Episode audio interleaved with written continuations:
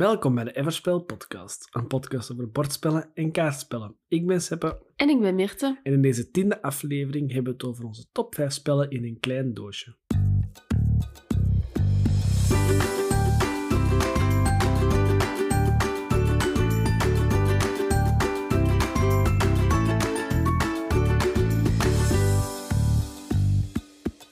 We bedachten ons eigenlijk dat we in de vorige podcast het nog niet echt heel veel hebben gehad over de kleine spelletjes. En dan bedoelen we de kaartspelletjes in de kleine ja, kaartspeldoosjes. Van formaat kun je dan bijvoorbeeld denken aan een Bonanza of een Quicks, om twee ja, bekende spellen te noemen. Maar er zijn er echt heel veel ondertussen van die kleine doosjespelletjes. En hoewel dat, dat meestal gewoon kaarten zijn, zijn er toch veel soorten en ook gewoon andere mechanismes van spellen. Toen we in onze kast keken, zagen we ook dat er heel veel verschillende kaartspelletjes waren. En was het voor ons ook wel moeilijk om daar toch een top 5 uit te halen. Ik merkte vooral, aangezien dat die niet veel op tafel komen, dat gelijk als ze nieuw zijn, dat ze dan bijvoorbeeld wel meer op tafel komen. Of dat je op een bepaald moment teruggrijpt naar een klein spelletje dat je dan veel kunt spelen. Want meestal is op dat kwartier, tien minuutjes gespeeld.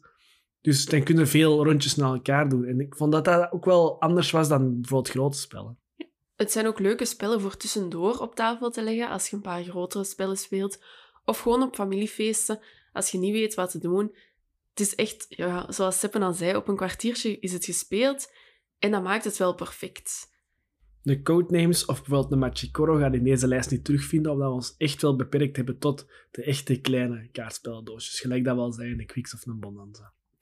Verder dachten we ook, met de feestdagen in aantocht is dit sowieso ook een interessante podcast, omdat er ook wel spellen zijn die leuk zijn om te geven als cadeautje. Heb je nog een 10 euro over of zo, zijn deze spellen gewoon echt leuk om nog cadeau te geven. Dat zijn ook dingen die bij iedereen wel vaak op tafel komt. Ook mensen die minder spellen spelen, zijn dat wel dingen die je nog snel op tafel kunt leggen.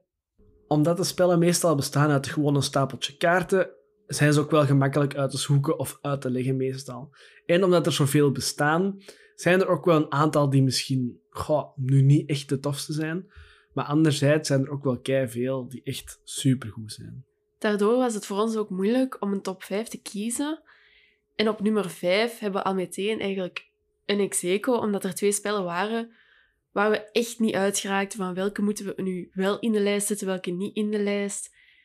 Daarom hebben we nu ook ja, twee spellen op nummer 5 gezet. Ja, de eerste is wel een beetje een vreemde eet in de bijt eigenlijk, want ja, die is gewoon solo te spelen. Dus eigenlijk gewoon een spel voor één speler. En we wouden die er eigenlijk ook gewoon inhouden. We hebben die laatste tijd veel gespeeld. We vinden die ook heel leuk. En dat is Grove van Mark Tuk en in het Nederlands uitgebracht door White Goblin Games. In Grove bouw je op je eentje een boomgaard uit. Op de kaarten staan steeds tot zes verschillende bomen. Leg kaarten op kaarten en match fruit om deze te oogsten. Elk spel heeft een ander doel. Behaal je dit, dan win je het spel. Het doosje van Grove is eigenlijk kleiner als een gewoon kaartenspeldoosje, want er zitten ook gewoon helemaal niet zoveel kaart in. Het is ook wel net iets dikker, omdat er wel dobbelstenen bij zitten, kleine dobbelsteentjes. Maar dus, er zitten maar een aantal kaarten in en je speelt eigenlijk elk spel maar met negen kaarten. Wij zijn beide ook niet echt solo-spelers, maar toen we zagen dat Grove uitkwam, waren we beide wel heel benieuwd naar wat voor iets dat zou zijn. En het is ook wel een solospel. Het kost niet veel, dat je wel snel ja, op tafel gaat leggen. Het makkelijk is om te proberen, voor te zien van wat zijn solospellen. Is dat iets voor mij? En we hebben er toch al heel veel op tafel gelegd. In mijn ogen kwam de release van Grove best onverwacht, omdat White Goblin Games niet veel aankondiging of reclame gemaakt had ervoor. En ook gewoon omdat het deel is van een grotere reeks. Je hebt bijvoorbeeld ook nog Orchard. Dat is uitgebracht door Hot Games, dus een andere uitgeverij. Orchard zelf hebben we nu wel nog niet gespeeld, maar die hebben we wel een aantal keer zien voorbij komen. Dus nu met Grove gespeeld hebben, zijn we ook wel benieuwd wat dat die doet. Nu, ondertussen hebben we Grove al wel best vrij veel gespeeld. Het is ook al vaak op tafel gekomen, ook met mensen die het niet kennen, gewoon om uit te leggen. Of ja, we hebben ook al met vier rond een tafel gestaan om Grove te spelen, terwijl het eigenlijk ja, een solo-spel is. Maar iedereen is er wel in geïnteresseerd, ook vooral omdat het zo'n een klein doosje is. Het zet makkelijk op tafel en het speelt ook gewoon heel vlot. De kaarten zien er ook gewoon heel leuk uit. Het zijn eigenlijk kaarten en daar staan allemaal boompjes op. Met citroenen, appelsine of limoenen. En eigenlijk gelegd kaarten op kaarten, dus boompjes op boompjes. En als dezelfde fruit eronder ligt, mocht je daar een dobbelsteen op leggen. En dat is eigenlijk het aantal fruit dat je oogst. Dus leg je een boom van vijf op een boom van twee bijvoorbeeld, dan gaat je zeven fruit genereren. Het doel dat je dan moet halen zijn eigenlijk een aantal punten. Dus het aantal fruit dat je hebt open liggen met die dobbelstenen, hoe goed dat je die kaarten overeen kunt leggen, die puzzel kunt maken, bepaalt eigenlijk ja, hoe hoog dat je score gaat zijn en bepaalt of dat je je doel gaat halen of niet. En dat maakt het toch wel ja, heel simpel, maar toch nog spannend. En het is wel echt een denkpuzzel dat je wel aan het doen bent. Ja, want net heb ik eigenlijk een slecht voorbeeld gegeven, het fruit maar tot drie stuks gaat. Maar vanaf als je boven de zes zit, mocht je het eigenlijk veranderen in een fruitmandje, wat eigenlijk direct 10 punten is. En heb je nog eens, allez, waardeert je je fruitmandje nog eens op, dus stel dat is een fruitmandje van bijvoorbeeld appelsien, en je legt nog een appelsieneboom erop, dan krijg je eigenlijk eenmaal in het spel een kruiwagen die bijvoorbeeld 15 punten is. Dus het is echt wel een beetje een listige puzzel om te maken, ook vooral omdat je maar, ik denk, 9 kaarten begint of zoiets, dus je legt maar 9 kaarten neer, en dan is het spel ook gedaan. In het spel zijn er ook altijd een aantal kaarten die niet gebruikt worden, en op de achterkant van de kaarten staan telkens opdrachten op die je kunt voltooien voor extra punten tijdens het spel. Op die kaart in de linkerbovenhoek staan ook gewoon een ja, simpel getal. Die twee getallen van de twee opdrachtkaarten die je kiest in het spel, telt je op en dat is eigenlijk de score die je moet halen voor het spel te kunnen winnen. Ja, het is ook wel grappig, bijvoorbeeld als je weinig kunt halen met een bonusopdracht, gaat die score van die kaart ook lager liggen. Op die manier is het spel ook wel heel goed geschaald en heb je telkens wel een nieuwe uitdaging. Omdat je toch voor die bonussen wilt gaan, om die extra punten te geven. Maar omdat die bonussen telkens anders zijn, gaat je je spel ook ja, op een andere manier inzetten en op, op een andere manier een beetje ernaar kijken. Die bonuskaarten zijn eigenlijk een soort van ja, extra module in het spel, maar eigenlijk moet je dat sowieso spelen, hè, want dat maakt het net leuk. Want anders heb je eigenlijk gewoon de schaal van als je tot zoveel punten geraakt, ben je goed bezig. Als je tot zoveel punten geraakt, ben je niet goed bezig. Dus dat maakt het spel ook wel echt een extra dimensie hebben. Plus de eerste keer als ik het speelde, was het echt niet zo gemakkelijk eigenlijk om dat te halen. En je wordt ook wel beter met dat te doen. Je merkt wel door het meer te spelen dat je er wel telkens iets beter in wordt. Maar omdat er wel veel herspeelbaarheid is door juist die bonuskaarten, is het telkens wel een nieuwe uitdaging en merkt je ook wel dat je er telkens ja, nog wel beter in wordt en dat die puzzel wel uitdagend blijft, ook al word je effectief wel beter in het spel. Eigenlijk hebben we nu wel bijna het hele spel uitgelegd. Het is gewoon kaarten op kaarten leggen. En als je dan boompjes matcht, moet je daar een dobbelsteen op leggen. Maar dat is ook gewoon leuk. Het ziet er ook gewoon leuk uit. Het thema is leuk. Bijvoorbeeld appelsine dobbelstenen zijn echt knal oranje. Citroen dobbelstenen zijn knalgeel. Dus het is eigenlijk gewoon wel leuk. En je ziet dat ook zo uitbreiden op je tafel. In vijf minuten letterlijk, tot tien minuten is dat gedaan. En dan kun je gewoon nog eens proberen als je het niet gehaald hebt. Maar meestal denk ik wel zal zijn. En er is ook al volk langsgekomen, zoals Mirte zei, dat we dat dan gewoon op tafel leggen. Ik probeer jij dat eens, kun jij dat halen? En dat maakt dat wel echt leuk en ook misschien net iets meer als een solospel. Het is ook een spel dat je makkelijk kunt meepakken. Zegt, jij moet ergens wachten of weet ik veel wat. En je weet, je hebt daar wel een tafeltje of zo. Ja, je legt dat daar even neer. Je bent zelf bezig. En omdat het juist ook zo'n klein doosje is, is het makkelijk om mee te pakken. En het is altijd, ja, zorgt altijd voor leuke interactie. Ook zelfs als er andere mensen zijn ja, die komen meekijken, meezien van wat ze aan het doen, wat voor een puzzel ze aan het maken. En dat maakt het leuk, ook s'avonds in plaats van tv te kijken, gewoon even een spelletje te spelen. Het duurt effectief maar 10 minuten. Ja, je kunt het echt letterlijk tijdens de reclame spelen, bijvoorbeeld op. Ja, dat maakt het gewoon leuk. En dat maakt dat ik het persoonlijk ook wel echt een leuk spel vind. En ook als je niet veel solo-spellen speelt, of dat dat niet echt je ding is, vind ik deze toch wel echt een grote plus in de kast. Omdat moest je je even vervelen of weet ik veel wat, ja, je pakt dat gewoon boven, gezet dat op tafel en 10 minuten ja, legt het weer terug in de kast. Ja, het doosje bestaat nu wel maar uit 18 kaarten. En hoewel elke kaart een andere bonus heeft, en je pakt er altijd twee, kun je wel wat mixen en matchen. Maar natuurlijk, de speelbaarheid is daarom ja, genoeg, maar blijft het spannend, dat weet ik niet. Maar daarom ben ik ook wel benieuwd bijvoorbeeld weer naar een Orchard. Ook omdat die vooral van dezelfde maker is en ook gelijkend eruit ziet. Dus dan ben ik wel benieuwd wat het verschil is tussen de twee. En dan gaan we meteen over naar het volgende spel, ook op nummer 5, omdat we niet konden kiezen. En dat is Love Letter en dat is gemaakt door Seiji Kanai en is uitgebracht door Z-Man Games.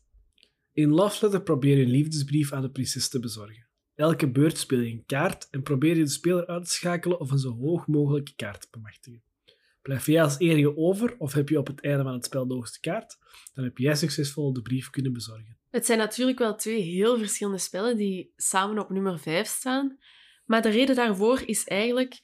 Ja, Love Letter hebben we al heel lang in onze kast staan en hebben we ondertussen al zoveel gespeeld dat hij bijna niet meer op tafel komt, omdat het zo repetitief wordt en omdat het een beetje... Ja, beu gespeeld is misschien een fout woord, maar ja, toch een beetje beu gespeeld zijn. En Grove is dan een nieuwere die we op deze moment heel interessant vinden. Maar we niet weten van wat gaat dat in de toekomst nog geven. Blijft dat spannend?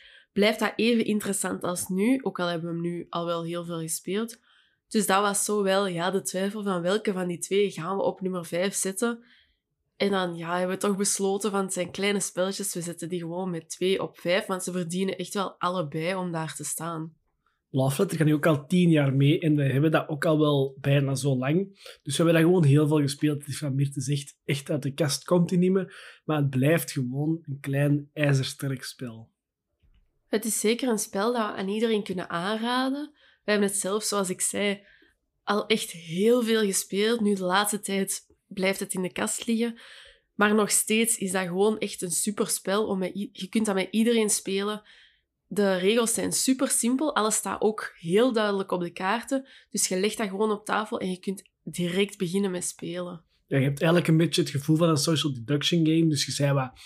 Ja, je hebt kaarten en zeggen bijvoorbeeld raad de kaart van andere speler. Je hebt kaarten die zeggen ruilkaart. En na een tijd gaan dat mensen kunnen uitschakelen. En is het, ja, zijn de kaart op, dan kijkt wie dat de hoogste kaart heeft. Tenzij er uiteraard nog maar één persoon overblijft.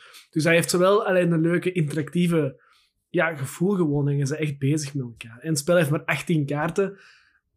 Dus ook weer, ja, er zit... Allez. Ja, het is heel simpel eigenlijk. Je pakt een kaart, jij kijkt welke acties dat die twee kaarten kunnen doen en je legt er één om te spelen en je houdt er één bij. Dus op zich, het speelt ook... Ja, daardoor speelt het heel snel, speelt het heel vlot.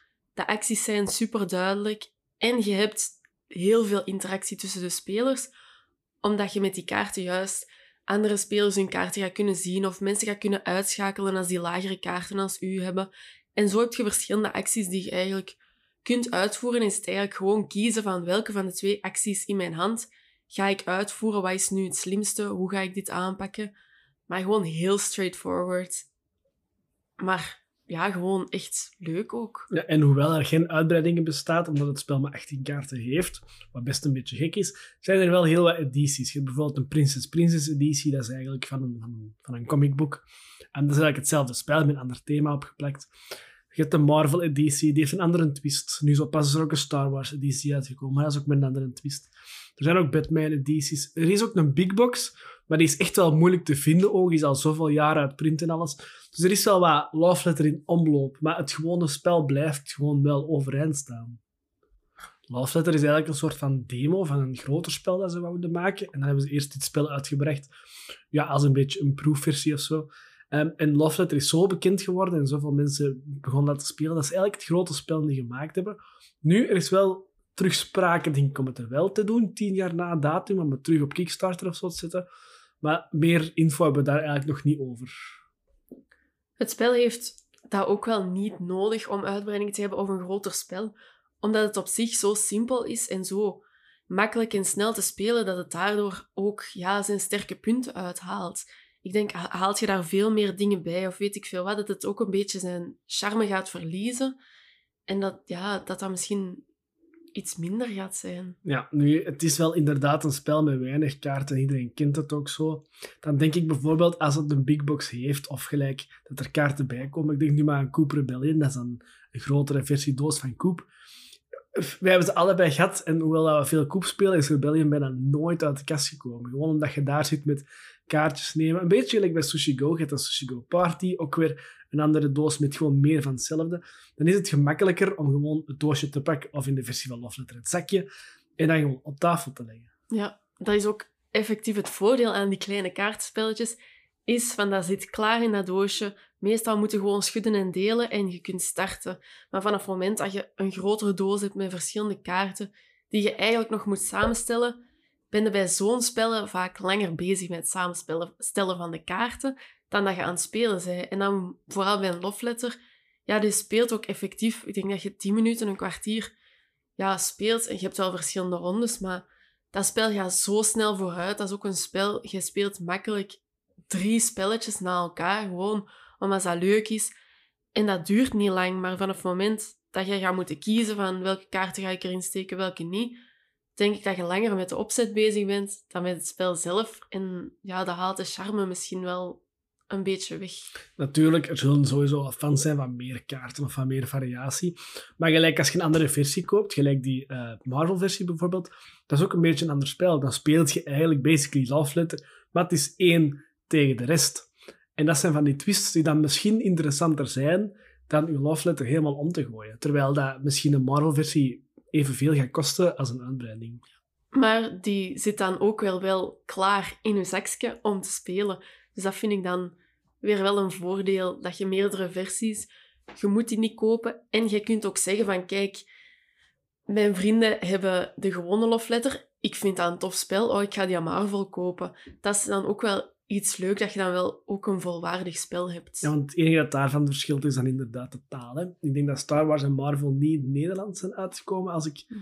Ja, het kan zijn dat ik fout ben, maar ik denk het wel. De Prinses Prinsen DC ook niet. De Batman die er vroeger was ook niet. Dus het is eigenlijk gewoon... Ja, er moeten wel Engels voor kunnen. De gewone love letter uiteraard niet. Maar het is in principe hetzelfde spel dat je speelt met een nieuwe twist die minstens even leuk is. Op nummer 4 in onze lijst vinden we dan een spel waarvan ook verschillende versies te vinden zijn. Dat is Similo. Het is gemaakt door Martino Sciasciera, Helmar Hach en Pierre Luca Sisi en is in het Nederlands uitgebracht door 999 Games. In Similo ga je samen met je medespelers op zoek naar een personage van een bepaald thema. Eén speler is de tipgever, die bovendien niet anders mag communiceren dan met kaarten. Die kaarten bestaan uit personages met enkele unieke, maar vooral ook veel voorkomende details. Elimineer jij elke ronde de juiste kaart tot er één overblijft, wint iedereen het spel. Enkele afleveringen terug hebben we het ook al eens gehad over dit spelletje. En dat is denk ik ook het enige ja, kleine kaartspelletje waar we het al eens over hebben gehad. Het is een coöperatief kaartspelletje waarbij je samen moet werken. Dat, je ook, ja, dat kom je niet zo heel vaak tegen, maar het is ook een spel dat bij ons al superveel op tafel is gekomen. Het spel is gewoon ook gewoon zo simpel dat het gewoon snel ja, uit de kast wordt genomen. Het is denk ik gemakkelijker dan de twee vorige die we al genoemd hebben. En je hebt eigenlijk allemaal kaarten op tafel liggen die allemaal bestaan uit een personage, een, een dier of zo. Want je hebt bijvoorbeeld de dierenversie, een mytheversie met historische figuren. Ja, je hebt nu ook stilletjes aan de Harry Potter versie, uiteraard. En je hebt eigenlijk een tipgever en die heeft één kaart die je de rest moet zoeken en die legt een kaart af. En dan moet je kijken van, heeft dat er iets mee gemeen of niet? En dan leg je eigenlijk een kaart van midden op tafel dicht, totdat er uiteindelijk na een aantal dips nog maar één overblijft die moet zoeken. Draai je die natuurlijk toe en dan zit je verloren. Ja, dus het is eigenlijk heel simpel. Echt, denk ik, een van de simpelste spellen bij ons in de kast. Maar juist omdat het zo simpel is, heeft het juist die charme van ja, een simpel spel. Je legt het heel makkelijk op tafel, vooral tussen spellen door. Ook is het gewoon een leuke om te spelen. Je speelt ook samen in plaats van tegen elkaar. Wat ook wel voor wat rust zorgt als je al de hele tijd wat spellen aan het spelen bent, is dat wel ja, een rustiger spel. Maar je hebt nog steeds wel die discussies tussen mensen van wat gaan we dichtleggen, wat gaan we niet dichtleggen. Waarom legt hij die kaart daar? Wie heeft daar iets mee te maken of zo? Want iedereen denkt toch wel iets anders. Het is ook leuk met de verschillende versies dat je eigenlijk kunt kiezen welke dat je neemt. Je kunt ook ze allebei samen nemen. Dus je kunt ook één doosje pakken waar dat de tips zijn en één doosje met de kaarten op tafel. Dus dat maakt ook wel zo het spel net iets ingewikkelder. En er is inderdaad gewoon interactie tussen de mensen die aan de tips aan het zoeken zijn van wat gaan we dichtleggen. De kaarten zijn ook zo opgemaakt dat er veel gelijkenissen zijn van vorm van hoofd, of die heeft ook een hoedje op. Of, en dat de achtergronden ook wel ja, vaak iets of wat gelijkend zijn. En dat kleurenpalet, ja, de kaarten zijn wel effectief zo opgemaakt dat er dingen gelijk zijn en dat er details anders zijn, wat het ook wel moeilijker maakt en ook wel leuk maakt. Omdat dan voor de tipgever ook vaak ja, iets moeilijker is, omdat je niet weet hoe gaan mensen mijn tips interpreteren.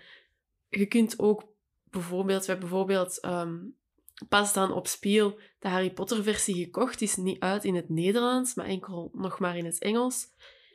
En als je dan Harry Potter tips begint te geven, ja, dan is het als tipgever ook al nadenken van hoe ga ik mijn tips geven.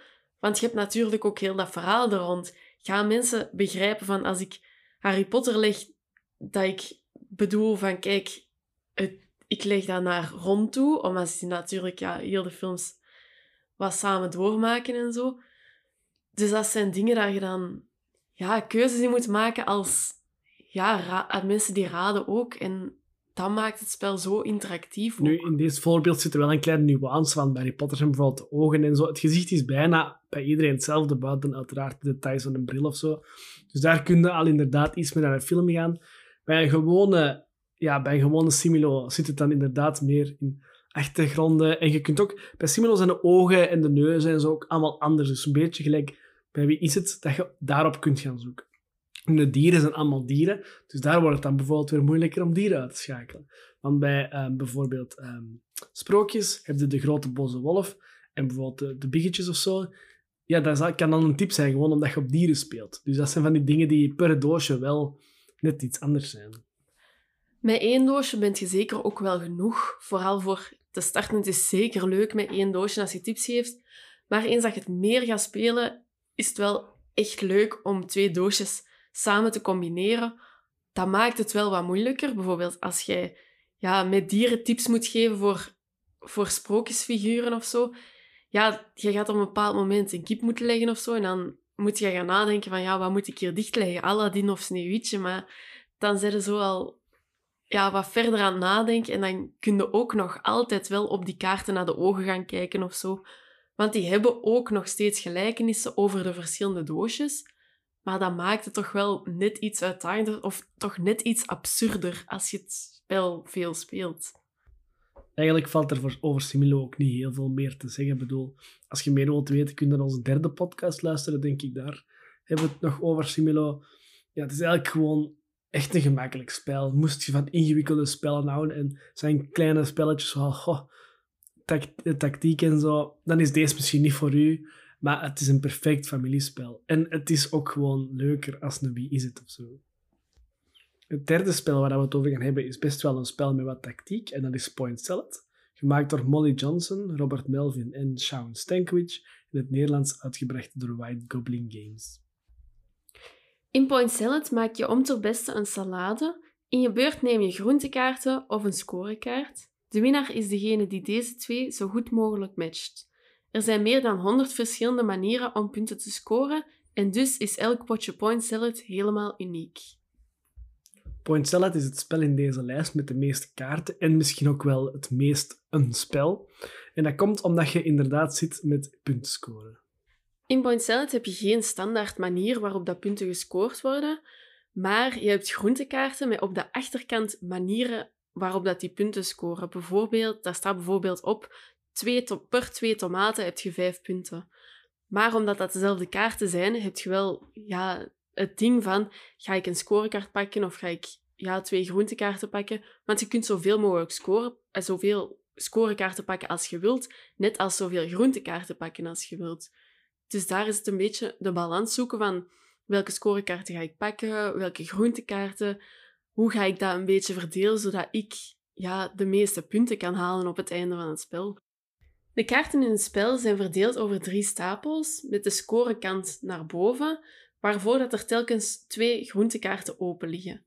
Er liggen dus drie stapels met scorekaarten en zes groentekaarten die open liggen. Nu, op de kant van de scorekaarten ziet je ook wel welke groente dat er aan de achterkant staat. Neemt je dus kaarten weg, van je groentekaarten weg, weet je dus voor de volgende speler welke groentekaarten dat open gaan liggen en welke scorekaarten dat er dicht komen te liggen. Dus dat maakt het ook wel interessant en dat maakt dat je wel een beetje kunt kijken van wat heeft de volgende speler nodig, waar ga ik kaarten wegpakken of hoe ga ik deze juist aanpakken. Maar dat is ja, minder belangrijk in het spel, maar het is wel leuk dat je toch nog wel iets van die interactie hebt. Ja, het geeft ook een hele andere dynamiek met meer spelers. Dus als je bijvoorbeeld met twee speelt, ga je wel heel een tijd ongeveer kunnen zien van ik ga dat kunnen pakken en ik ga die scorekaart nemen. En als er dan iets nieuws opkomt van, ah, als ik dan als Mirte dat dan niet neem bijvoorbeeld, dan heb ik toch nog dat. Maar bijvoorbeeld, met, we hebben het nu over laatst met vier spelers gespeeld, dan denkt, oh yes, echt de ideale scorekaart. Maar er moeten nog drie mensen aan de beurt komen, maar dat er allemaal groentekaarten weggaan, die scorekaarten worden daar dan omgedraaid. Dus dan ga je eigenlijk een heel nieuw plan moeten bedenken als je aan de beurt bent. Nu, elke kaart is wel uniek als het dan gaat over het scoregedeelte.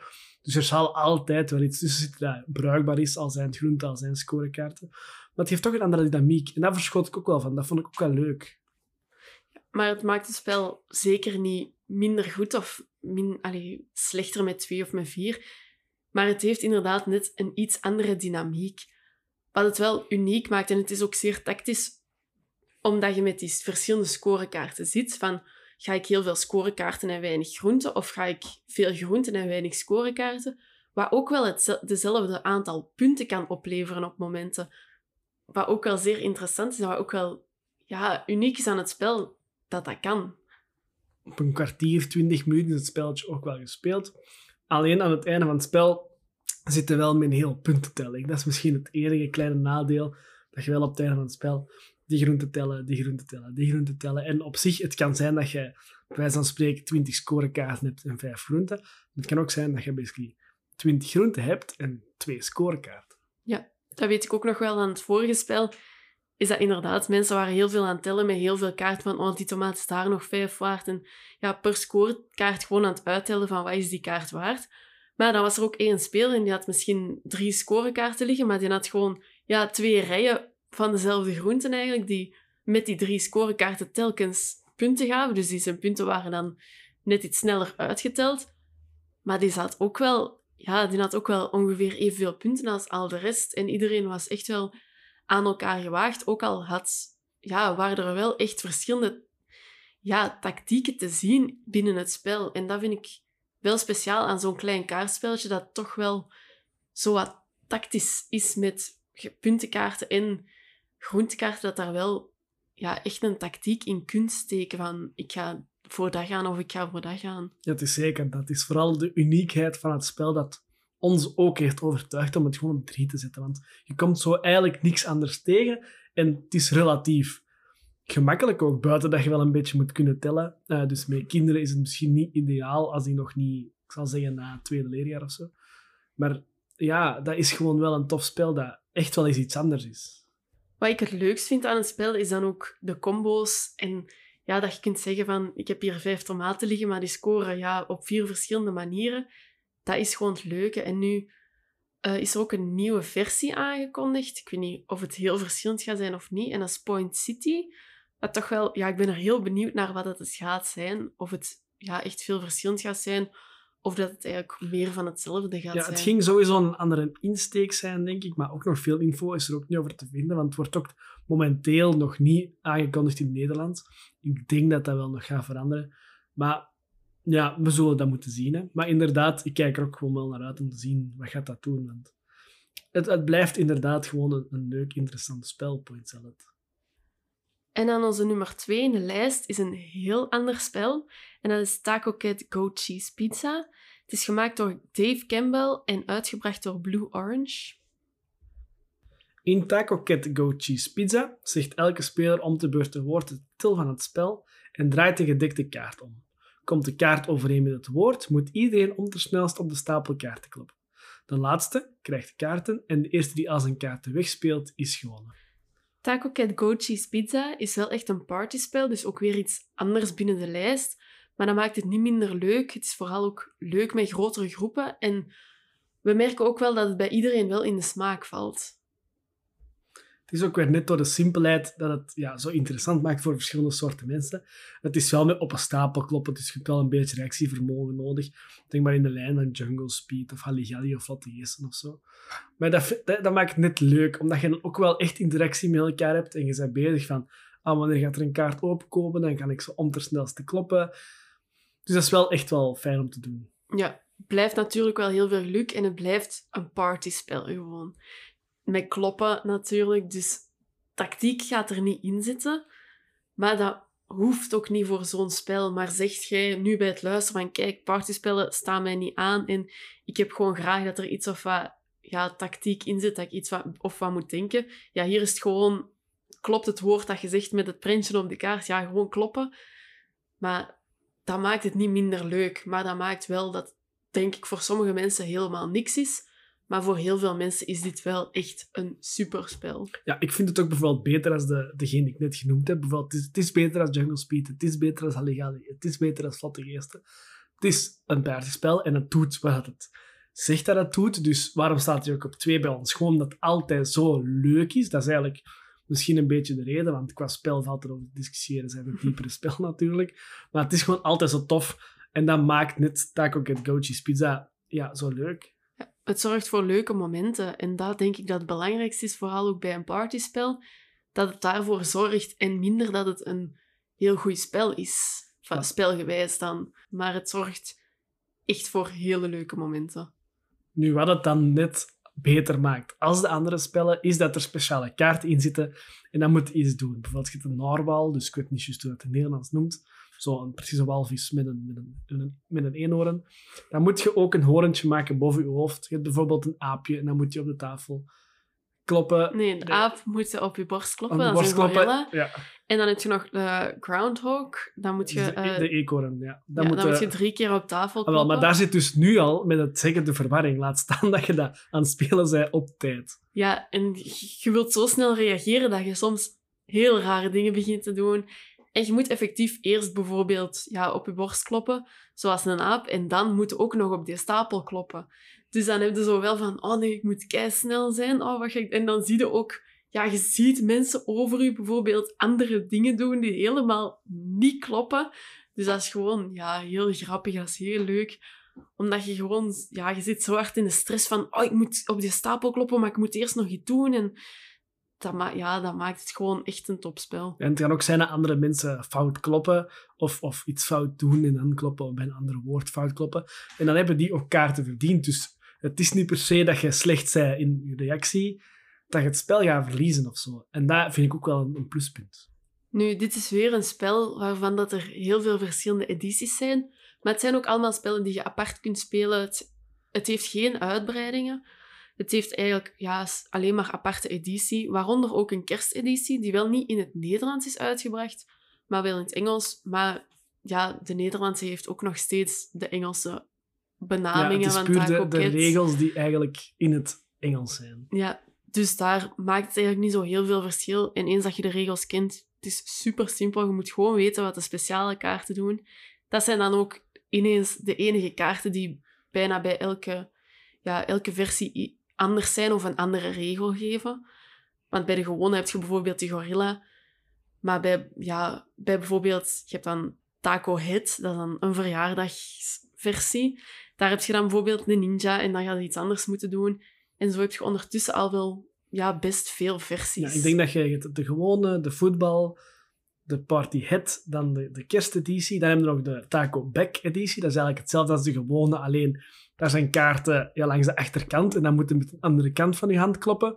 Dat vind ik ook wel een toffe. Die doen dit iets meer dan gewoon om ter snelste. Die heeft ook nog een andere kaart natuurlijk. Dat is ook de enige versie die je ook kunt combineren met het gewone basisspel. Dus die kun je ook als uitbreiding gebruiken, omdat die exact dezelfde woorden hebt. Terwijl dan die een taco head, ja, dan is hij cat veranderd door een hoedje. Dus dat zijn dan... Ja, die kunnen natuurlijk niet combineren, maar je hebt dan die een taco back, heb je gewoon een taco cat. Ja, dus exact het verschil zit eigenlijk gewoon in de naam op de doos, zal ik zeggen. Plus, andersom werkt het ook. Als je de taco back hebt, kun je de, de back, hè, de, dus de achterkantkaarten eruit halen. En dan heb je gewoon taco cat. Uiteraard met andere speciale kaarten. Maar dan kun je ook nog eens variëren van, gaan we die spelen of gaan we die spelen? Nu denk je misschien van, oei, zoveel versies, waar moet ik starten of wat moet ik... Maar kies gewoon degene die dat je er het leukst uit vindt zien. Ze zijn allemaal even moeilijk, buiten dan een Taco Back heeft net iets meer regels. Die zou ik misschien ja, achterwege laten als je echt zegt van, ik ga een eerste Taco Cat kopen, maar vind jij ja, de FIFA-versie vind jij die leuker? Ja, koop gewoon de die. Dat maakt niet zo heel veel verschil tussen de verschillen. Er zit niet heel veel verschil op buiten die speciale kaarten. Dus van moeilijkheid gaat dat exact hetzelfde zijn. Buiten dat dat voor u misschien ja, net iets leukere printjes zijn. Of dat dat net ja, iets meer uw ding is van thema. Ja, en al bij al zijn er eigenlijk ook maar vijf edities, dus dat valt echt nog wel mee. Gelijk de Simulo is nu in het Nederlands aan, ehm, ik denk vier. Ja. Er zijn nog een Harry Potter versie, Fantastic Beasts versie, er komt sowieso nog. Ehm, en dan zijn er nog een paar Engelse, waar ook weer alleen de tekst allee, van de regels verschilt, waar dat er ook nog een aantal zijn die ja, niet Nederlands zijn. Dus dan valt een tacoket op zich echt nog wel mee. En je hebt het ook niet nodig. Bij Similo is het dan na een tijd, als je veel hebt gespeeld, is het natuurlijk wel leuk dat je een ander doosje hebt voor dan daarmee tips te geven, om het toch net iets uitdagender of ja, juist grappiger te maken. Maar hier heb je totaal niet nodig. Heb je één doosje, is dat zeker genoeg. Maar speelt je dat vaak en zegt je, ik vind dat echt een topspel, ja, dan is dat gewoon leuk en een leuke toevoeging dat er meer doosjes zijn met, meer speciaal, allee, met andere speciale kaarten. Wel, maar dat zou nog tof zijn, moesten ze bijvoorbeeld een kleine module-uitbreiding of zo maken, met gewoon speciale kaarten in. Want elke versie heeft er op zich maar, maar, maar drie speciale dingen met dan, ik denk, vier of, of drie, vier, vijf kaarten per stuk. Dus op zich zou dat nog wel leuk zijn. Dat, ze dan een soort van, dat je kunt mixen en matchen tussen je speciale, zonder dan een extra doos te kopen. Ja, dat lijkt hier inderdaad wel nog een toffe toevoeging te zijn. Nog een spel dat best wel leuk is om een keer te proberen als je het dan niet gespeeld hebt, want het is misschien ook wel de bekendste uit onze lijst. En dat is nu onze nummer 1, Sushi Go, gemaakt door Phil Walker Harding en in het Nederlands uitgebracht door White Goblin Games. In Sushi Go probeer je zo goed mogelijk sushi-menu samen te stellen. Dit doe je door te draften. Je neemt een kaart en geeft de rest van je kaarten door tot je handkaarten op zijn. Elke kaart scoort op andere manieren punten en degene met de meeste punten wint het spel. Sushi Go is samen met Love Letter in deze lijst zo misschien wel de klassieker van degene ja, die de meeste mensen kennen of al gespeeld hebben. En ook weer deze is ook weer echt een gemakkelijk spel. Het is echt gewoon zo simpel als je pakt een aantal kaarten, je kiest er een en je geeft die kaarten door totdat er niks overblijft. En dan gaat je kijken van, wat zijn mijn punten? En deze doe je drie rondes. Dus het is echt wel, ja, van regels het simpelste van het simpelste. Alles staat ook duidelijk op de kaarten hoe dat de verschillende kaarten scoren. Maar er zit wel heel, ja, een beetje tactiek in. Er zijn keuzes genoeg om te kunnen maken.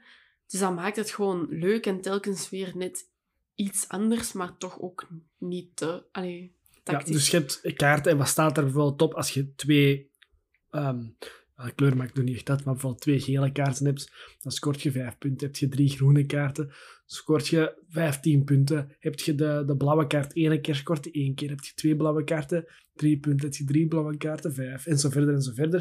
Dat zijn eigenlijk allemaal zo van die kleine mechaniekjes die misschien ook wel zitten in, in Point Salad een beetje. Alleen staat deze gewoon op de kaart en je pakt er een en geeft door.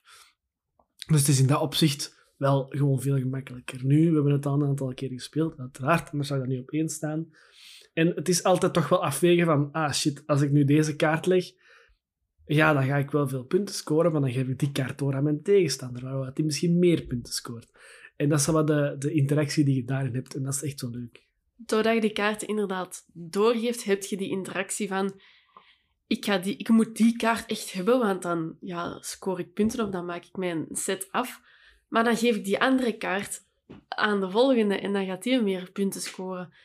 Maar je weet natuurlijk ook niet, ja, als het eerste keer als die kaarten doorgaan, je weet natuurlijk niet wat zit er nog in die andere kaarten. Jij hebt al wel wat kaarten gehad en gezien en jij hoopt natuurlijk van kijk, er zijn zoveel kaarten die komen nog eens tot mij. Ik hoop dat die kaart er nog in zit of zo. Maar ja, dat kun je nooit zeggen. Maar dat maakt het wel juist leuk dat je één kaart moet kiezen en dat je die doorgeeft aan, je, ja, aan, een, aan een tegenstander dan. Omdat je daar toch wel iets of wat controle over hebt, maar langs de andere kant ook ja, totaal niet. Maar je hebt wel die keuzestress van wat ga ik nemen. Ja, dat mechanisme van kaarten doorgeven komen we bijvoorbeeld ook tegen in Seven Wonders en in Draftosaurus. Dus het is gewoon het draftmechanisme. Maar hier is het echt gelijk het gemakkelijkste dat kan zijn. Pak een kaart, geef door. Dan is eigenlijk het hele spel. Puntjes stellen. En dan zei er eigenlijk, dat doet men wel drie keer uiteraard, maar ook weer, ook al doet dat drie keer, pakt ongeveer vijf minuten per, per keer. Dus op een kwartier, twintig minuten misschien met tellen bij en zo, is dat spel ook weer gedaan. En dan kunnen zelfs nog eens doen. Het is ook altijd leuk om het te spelen, zoals Zeppen al zei, we hebben het al heel lang. En het is ook denk ik ja, een spel dat ja, al misschien zelfs een van de spellen dat al het langst in de kast ligt bij ons. Maar dat blijft leuk. Het verveelt ook niet. We hebben er al heel veel gespeeld. Maar doordat dat zo simpel is en eens dat je dat wat kent ook, ja, we hebben ook veel met twee gespeeld, ja, dan pak je snel een kaart en geef je dat door. En dan speel je dat effectief ja, drie keer na elkaar gewoon het heel, volledige spel. Omdat dat gewoon zo leuk blijft en dat dat gewoon zo vlot speelt. Ja, het is gemakkelijk. En gelijk een, een love letter bijvoorbeeld, zijn we ook per stilletjes aan. Goh, we pakken dat niet meer elke dag vast, bij wijze van spreken. Maar als dat op tafel komt, is dat altijd tof. En je kunt mij ook nooit straffen door Sushi Go te spelen, bijvoorbeeld. Nee. En dan, ja, het spel in de lijst dat misschien meest ja, in dezelfde richting is. Hè, dan, die point salad heeft ook net iets meer tactiek, maar daar heb je dan wel heel veel downtime van andere spelers. En hier heb je ook echt nul downtime, omdat je gewoon kaarten doorgeeft. Dus je bent zelf ook constant bezig. En bij ja, bijvoorbeeld een point salad moet jij wel wachten van wat gaan andere spelers doen, zodat ik kan kiezen welke kaarten ik ga pakken. Natuurlijk, die keuzes zijn niet heel moeilijk en dat speelt ook wel heel vlot. Maar bij Sushi Go, ja, kent je dat wat meer? Ja, je pakt gewoon kaarten, je, je scant dat even van, want je weet natuurlijk na een tijd wel van buiten wat alle kaarten doen. Je scant dat, je pakt een kaart en je geeft die door.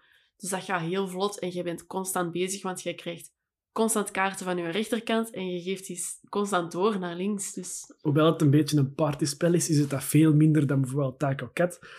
En je zei ook gewoon, ja, je bent echt een spel aan het spelen. Dat heb ik toch wel altijd het gevoel. Je bent wel ook al, geef er wat door en haha, ik ga dat niet aan u doorgeven. En dan, oh shit, je hebt die kaart gepakt, jury wou ik.